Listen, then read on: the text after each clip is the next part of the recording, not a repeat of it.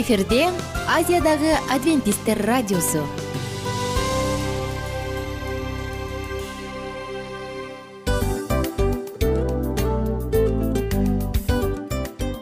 Достор салют. Баардык сүйүктүү угармандарыбызга салам айтабыз. Кутман күнүңүздөр менен. Ден соолук өмүрдүн булагы демекчи саламат саамы программасында баарыңыздарды көргөнүбүзгө абдан кубанычтабыз. Анда алгач амандашып өтөлү арбаңыздар деп. Ден соолугуңуздар кандай элибизде көбүнчө ден соолук кандай дегенде эле жакшы деп жооп беребиз э ооруп турсак дагы жакшы дейбиз. Анан мен муну айтып ойлойт элем бул абдан сонун сөз депчи анткени бул жакшы деген үмүт да э ооба баары жакшы болот баары сонун. Деп үмүттөнүп атып эле өзүбүздү өзүбүз дарылап коебуз. Анысы кандай? Сиздин дагы ден соолугуңуз жакшы беш деген үмүттөбүз чындыгында ден соолук бул өмүрдүн булагы деп бекеринен айтылган эмес деп ойлойм. Кыргыз элинде анткени эгерде ден соолук жок болсо анда адамдын жашоосунда калган баардык керектүү маңыздуу нерселер өзүнүн баалуулугун жоготуп коет. Ошондуктан ден соолук бул эң керектүү нерсе. Ооба туура айтасың кесиптешим. Чынында ден соолугуң жок бир эки үч күн ооруп калсаң эле э кандай болуп калат? Жашоодо көз каранды болуп каласың көп нерсеге жетишпей каласың көп нерсени кыла албай каласың жада калса эшикке дүкөнгө да чыга албай каласың. Туптуура анан ден соолук болсо демек биз биздин бактыбыз тотой деп койсок болот. Анда достор саламат саамы рубрикабызды баштайлы. Алдыда өзүңүзгө керектүү болгон сонун кеңештерди уга аласыздар. Мына ошондуктан биз менен бирге болуңуздар. Ал эми биз болсо милан жана айнура. Кеттик алга. Алга саламат саама ден соолуктун жарчысы. Саламат саама ден соолуктун ачкычы. Күн сайын сиз үчүн мыкты кеңештер сонун жаңылыктар кызыктуу фактылар. Биздин рубрикада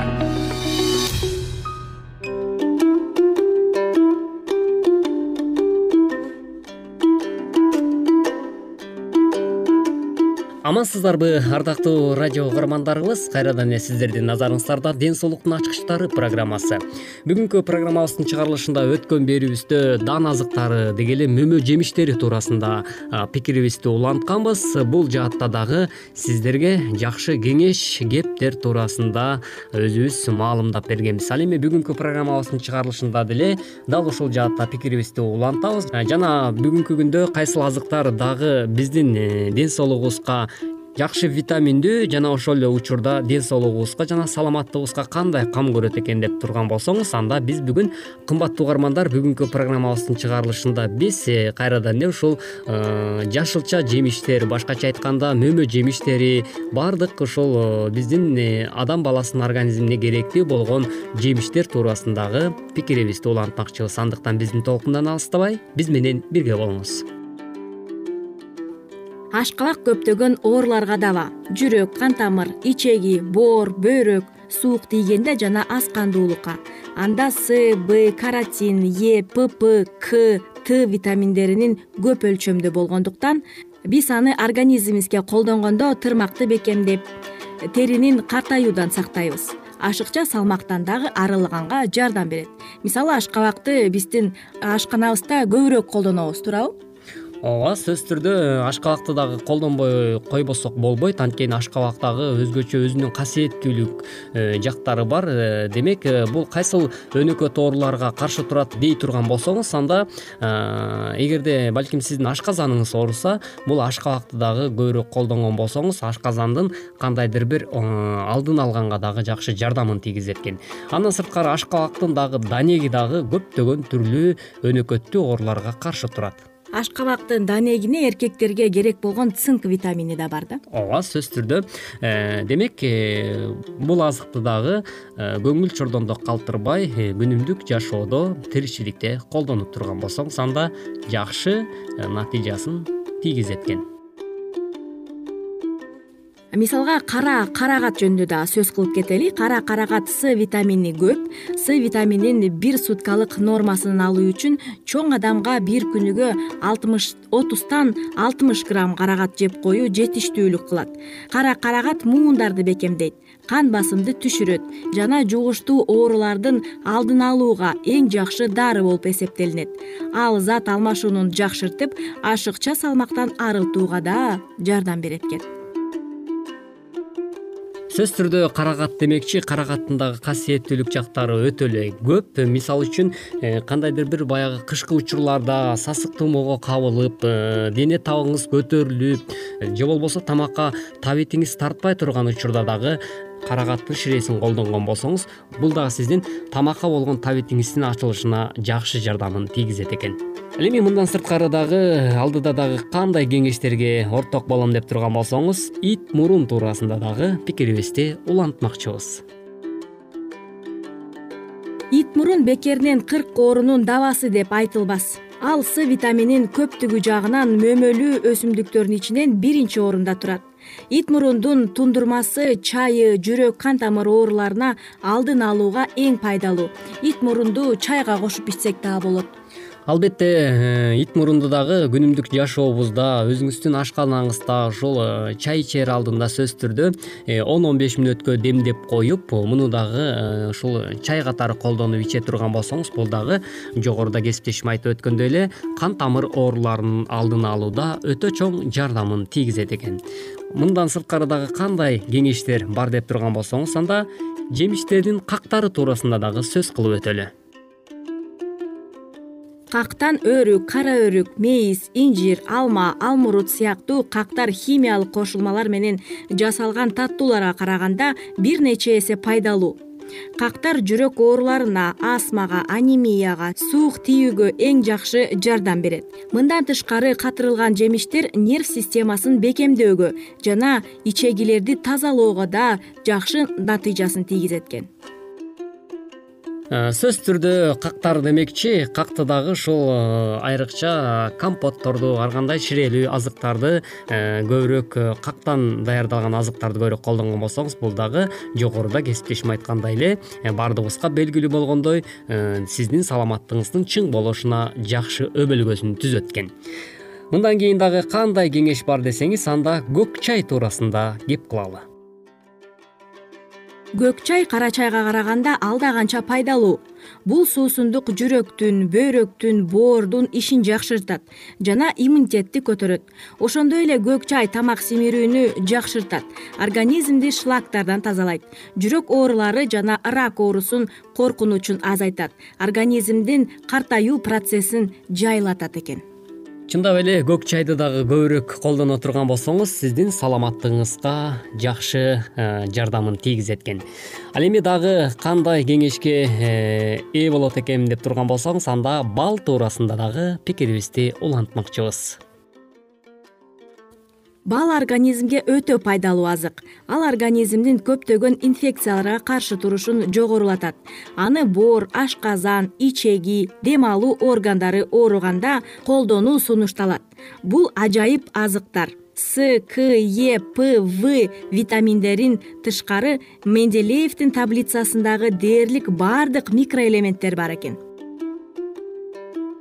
мына ушундай кымбаттуу угармандар бүгүнкү берүүбүздө дагы мөмө жемиштердин биздин ден соолугубузга тийгизген эң сонун касиеттүүлүгү туурасындагы кеңештерге орток боло алдыңыздар. Ушуну менен бизге бөлүнгөн убактыбыз дагы өз соңуна келип жетип калды. Ал эми кийинки берүүбүздөн биз сиздер менен дал ушул аба толкундан амандашканча аман болуңуз саламат саама. Ден соолуктун жарчысы. Саламат саама. Ден соолуктун ачкычы. Күн сайын сиз үчүн мыкты кеңештер сонун жаңылыктар кызыктуу фактылар биздин рубрикада.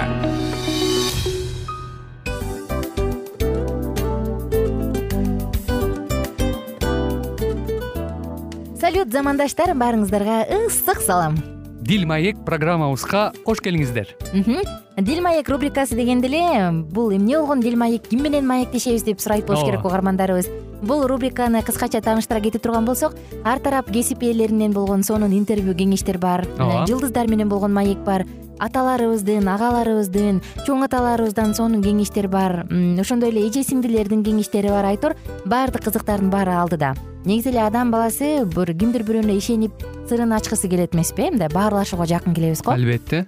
Негизи бир жерге отуруп алып кенен шашпай баягы жүрөктөн жүрөккө ачып сырларыбызды ар кандай көйгөйлөрүбүз менен бөлүшүп баягы чын жүрөктөн маек курганды кимибиз сүйбөйбүз э? Ооба десең ал нерсеге суусап да келебиз да. Ооба кээ бирде адамга чындыгында баягы э, ысык маек баягы жылуу маек жетишпейт да. Ошондуктан биз ушул рубриканы ойлоп тапканыбызда эң биринчи эле достор сиздер менен чын жүрөктөн бир маңыздуу темаларды козгоп кеткени э, кааладык. Ошондуктан ушундай сонун бир рубриканы тартуулап жатабыз анын үстүнө радио дагы сонун дос да. Анткени э, мындай учурда досуңа айтсаң досуң досуна айтат досу досуна айтат да. Анан бүт өлкө билип калышы мүмкүн го.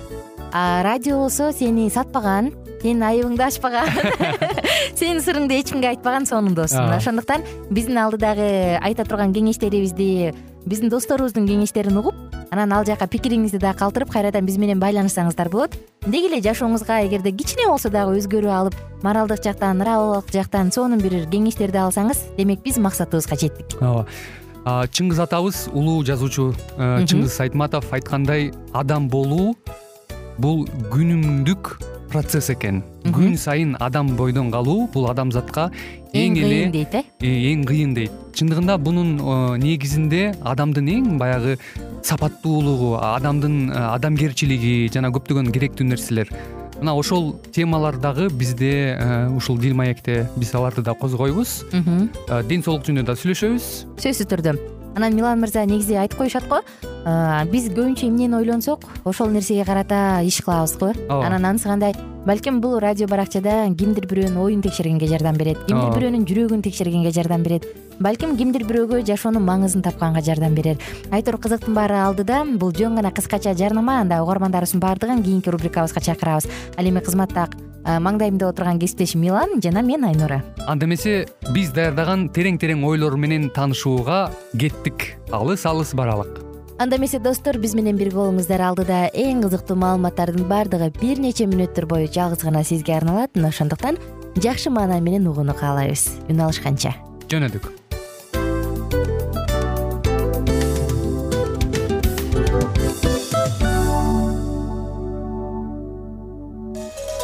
ар түрдүү ардактуу кесип ээлеринен. Алтын сөздөр жүрөк ачышкан сыр чачышкан сонун маек. Дил маек рубрикасында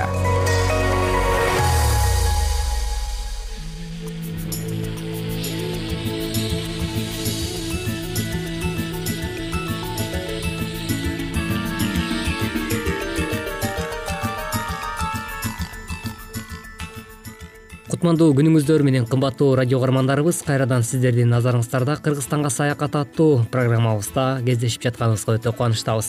Бүгүнкү программабыздын чыгарылышында өткөн берүүбүздө эсиңиздерге сала кетсек биз өрүк заарлуу баткен туурасында сүйлөшкөнбүз бүгүн эле дал ушул баткен жергеси туурасында дагы маегибизди кайрадан улантмакчыбыз. Андыктан биздин толкундан алыстабай дал ушул мүнөттөрдө биз менен биргеликте болуңуздар баткенден батышка карай элүү эки чакырым аралыкта кан игун карстык үңкүр бар.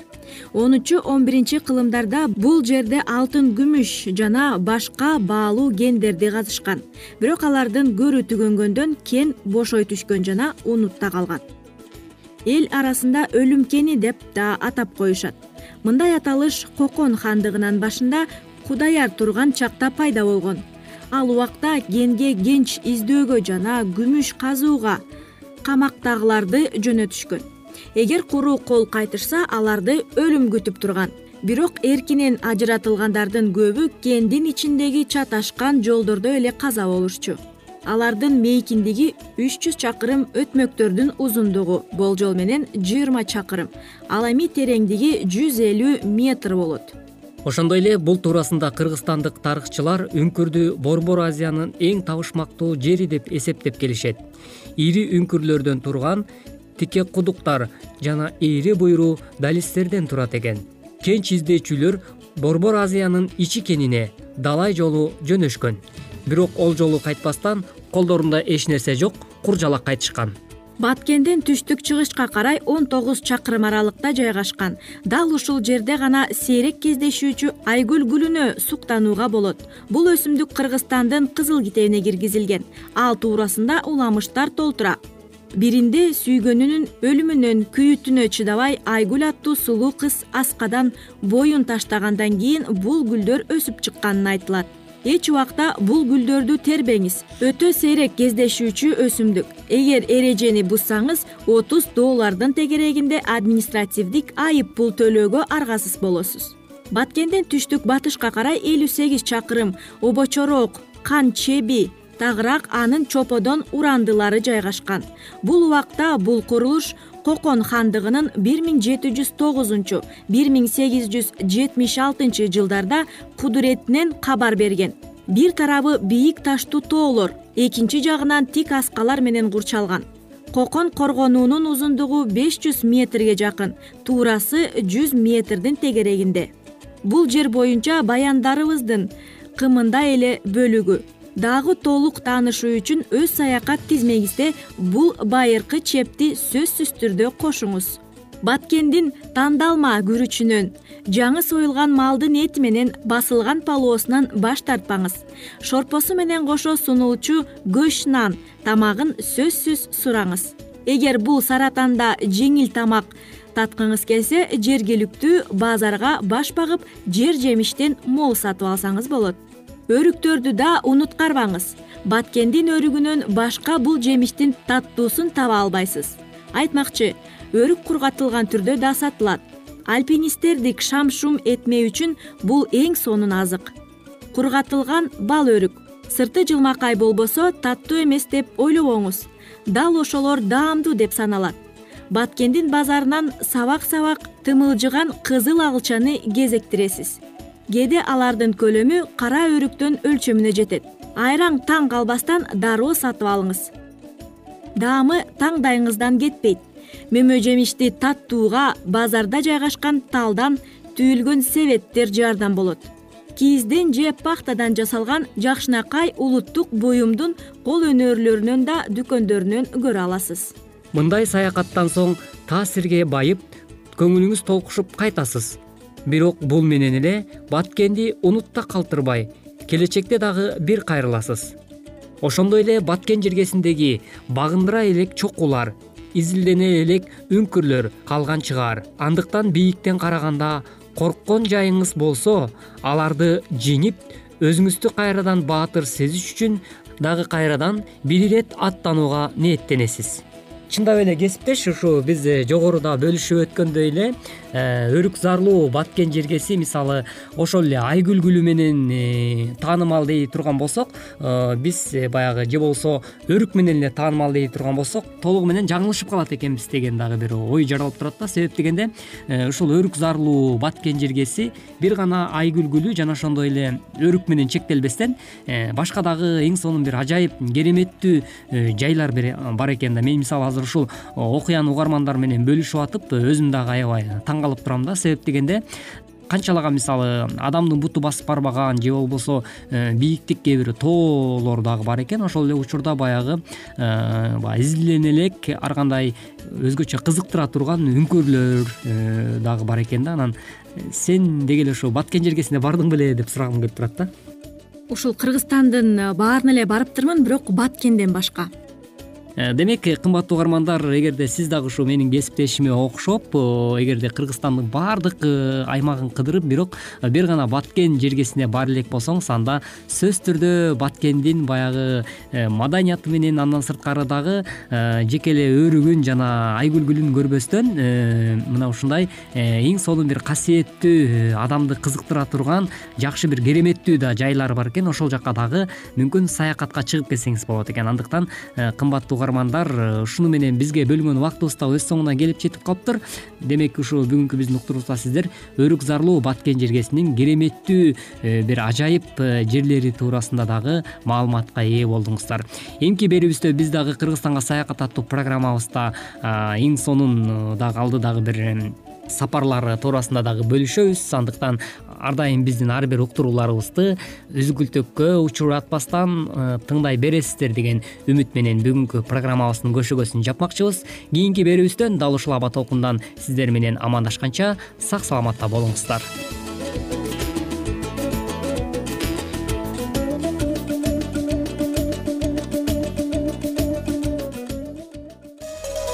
ар түрдүү ардактуу кесип ээлеринен. Алтын сөздөр жүрөк ачышкан сыр чачышкан сонун маек. Дил маек рубрикасында.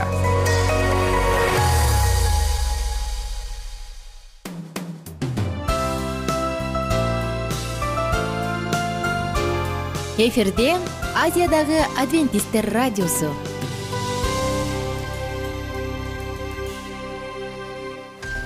Жан дүйнөңдү байыткан жүрөгүңдү азыктанткан жашооңо маңыз тартуулаган жан азык рубрикасы.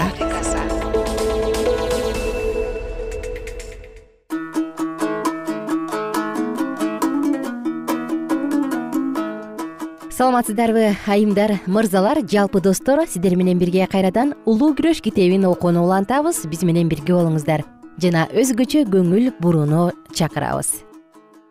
Ошентип ким пайгамбарлык сөздөрүнүн жарыгын ээрчиген болсо эки миң үч жүз күн өткөндөн кийин бир миң сегиз жүз кырк төртүнчү жылы машаяк жер үстүнө келгендин ордуна ыйыктардын ыйыгы бөлүмүнө куткаруу ишин аяктоо жана өзүнүн келишине бардыгын даярдоо үчүн кирген. Курмандыкка чалынган теке машаяктын курмандык боло тургандыгын көргөзгөн сыяктуу жана улуу дин кызматчы өз кызматы менен машаяктын элдештирүү ишин аткаргандай кое берилген теке дагы күнөө туудурган жана акыры бардык тобо келтирген адамдардын күнөөсү үстүнө жүктөлө турган шайтанды сүрөттөгөн. Качан? Улуу дин кызматчы күнөө үчүн чалынган курмандыктын каны аркылуу касиеттүү жайдан күнөөнү алып чыкканда аларды кое бериле турган текенин үстүнө жүктөгөн.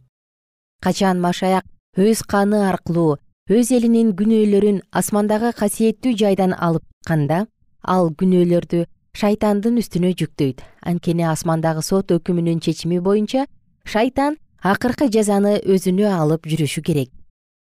Кое берилген текени израиль жамаатына кайрылып келбеш үчүн алыскы жайга алып барып ташташкан. Ошол сыяктуу эле шайтан дагы күнөөлөрдү жана күнөөкөрлөрдү талкалагандан кийин кудай жана анын элинин алдында биротоло куулуп өз жашоосун токтотот. Жыйырма төртүнчү бап. Ыйыктардын ыйыгында касиеттүү жай жөнүндөгү суроо бир миң сегиз жүз кырк төртүнчү жылдагы көңүл калуулардын жашыруун сырына кирүү үчүн ачкыч болуп калды. Ал келишимдүү аягына чыккан жана бири бирине байланыштуу чындыктын системасын ачкан жана улуу адвентисттер кыймылы менен теңир өзү башкарып кудай элинин ээлеген ордун жана милдеттерин көргөзүп далилдеген. Ыйса машаяктын шакирттери ошол кайгыга малынган түнү көңүлдөрү чөгүп жан дүйнөсү туталанып турганда устатын көрүү менен кубанычка батышкан сыяктанып машаяктын келишине ишенгендер дагы кубанычка толушту. Ыйсанын шакирттери ал өз даңкында келип өз кызматчыларына сыйлыгын берет деп күтүшүшкөн. Качан алардын ою ордунан чыкпай калганда алар көз алдыларынан ыйсаны жоготушуп мария менен бирге менин теңиримди алып кетишти жана аны кайда коюшканын билбейм дешип ыйлашкан. Эми болсо алар кайрадан аны ыйыктардын ыйыгы бөлүмүнөн көрүштү. Ал жерден алар жакында падыша жана куткаруучу катары келе турган өздөрүнүн кам көрүүчү улуу дин кызматчысын көрүштү. Касиеттүү жайдан чыккан чындыктын жарыгы өткөндү учурду жана келечекти жарык кылды. Катасыз кудайдын алдын ала көрөгөчтүгү жетелеп жүргөндүгүнөн алар көрүшкөн алгачкы шакирттер сыяктанып алар өздөрүнүн таратып жатышкан кабарларын толугу менен түшүнө алышпаса дагы алардын тараткан кабары бардык жагынан ишенимдүү болгон. Бул кабарды насааттоо менен кудайдын эркин аткарышты жана алардын жасаган эмгектери теңир алдында бекер болгон жок.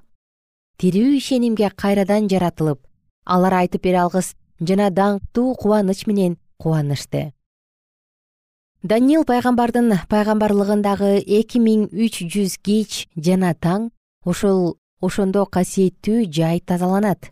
Жана аян китебиндеги кудайдан корккула жана аны даңктагыла анткени анын сотунун мезгили келди деген биринчи периштенин кабары машаяктан өз элин куткарыш үчүн жана адилетсиздерди жок кылуу үчүн келе турган мезгилин эмес.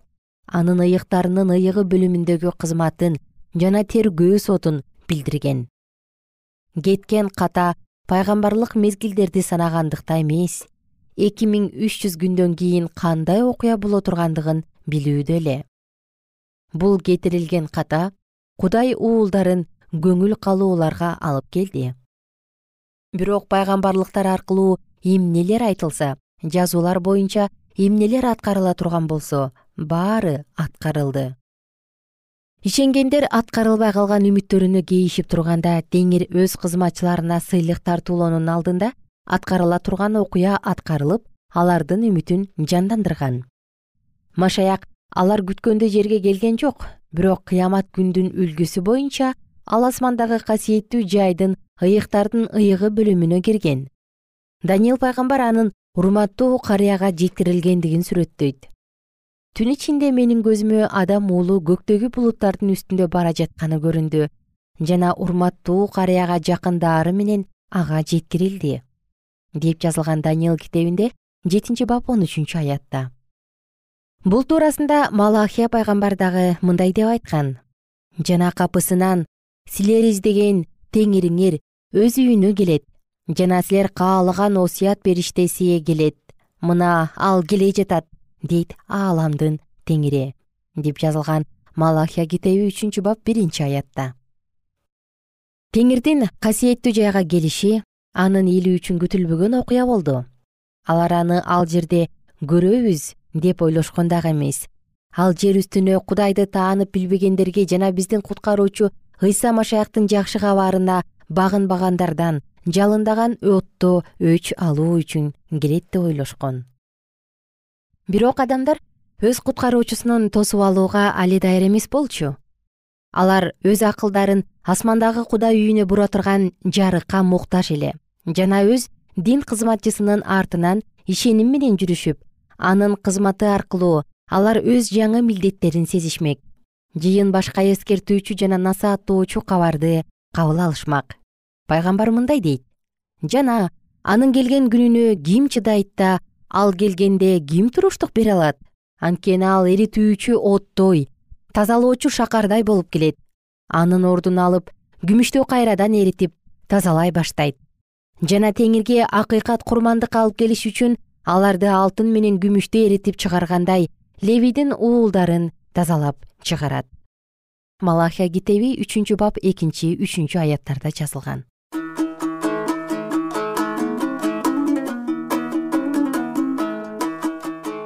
замандашым бүгүн дагы сиздер менен китептен дагы бир үзүндүсүн окуп өттүк. Баарыңыздар менен кийинки уктуруудан амандашканча сак саламатта калыңыздар.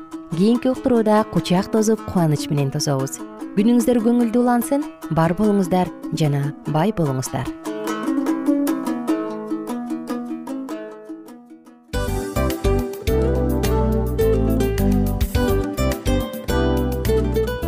ушул менен достор программабыздын уктуруубуздун эң кайгылуу мөөнөтүнө келип жеттик. Кайгылуу дегенде ыйлагым келип кетти кесиптеш. Кадимкидей. Анткени баягы учурашасың анан коштошуу учур келгенде ии кантип ии эми паспорттон келиптир э сагындырбай деп атып араң коштошобуз го. Анысы кандай угармандарыбыз менен коштошчу учур келди. Кийинки уктурууларды сагыныч менен жүрөгүбүздө кусалык менен күтөбүз жалпыңыздарды анан жарым сааттык уктуруу көз ачышым канча өтүп кетти сөзсүз. Бирок бизде жакшы кабар бар. Кийинки уктурууларыбызда сөзсүз дагы кезигишебиз. Анткени биз көптөгөн сюрприздерди кызыктуу маалыматтарды жана керектүү керектүү нерселердин көпүнчөсүн даярдадык анда угармандарыбыздын баардыгына ийгиликтүү күн каалайбыз. Эгерде бүгүнкү күнүңүз өзгөчө э, өтүшүн кааласаңыз анда позитивдүү ой жүгүртүп жылмайып жакындарыңызга жакшы маанай тартуулап жүрө бериңиз анткени сөзсүз түрдө мунун арты кайтат э? Сөзсүз. Баягы ден соолугуң оңолот ал бул деп көп нерсени санап келебиз. Эң негизгиси бул сиздин жашооңузду жаркын кыла түшөт экен жараткан кудай ар бирөөңүздөргө батасын берсин жашооңуз ийгиликтүү болсун сак саламатта калыңыздар деп мен милан жана кесиптешим айнура. Баардыгыңыздар менен кийинки уктурууда үн алышканча баарыңыздарга ийгилик каалайбыз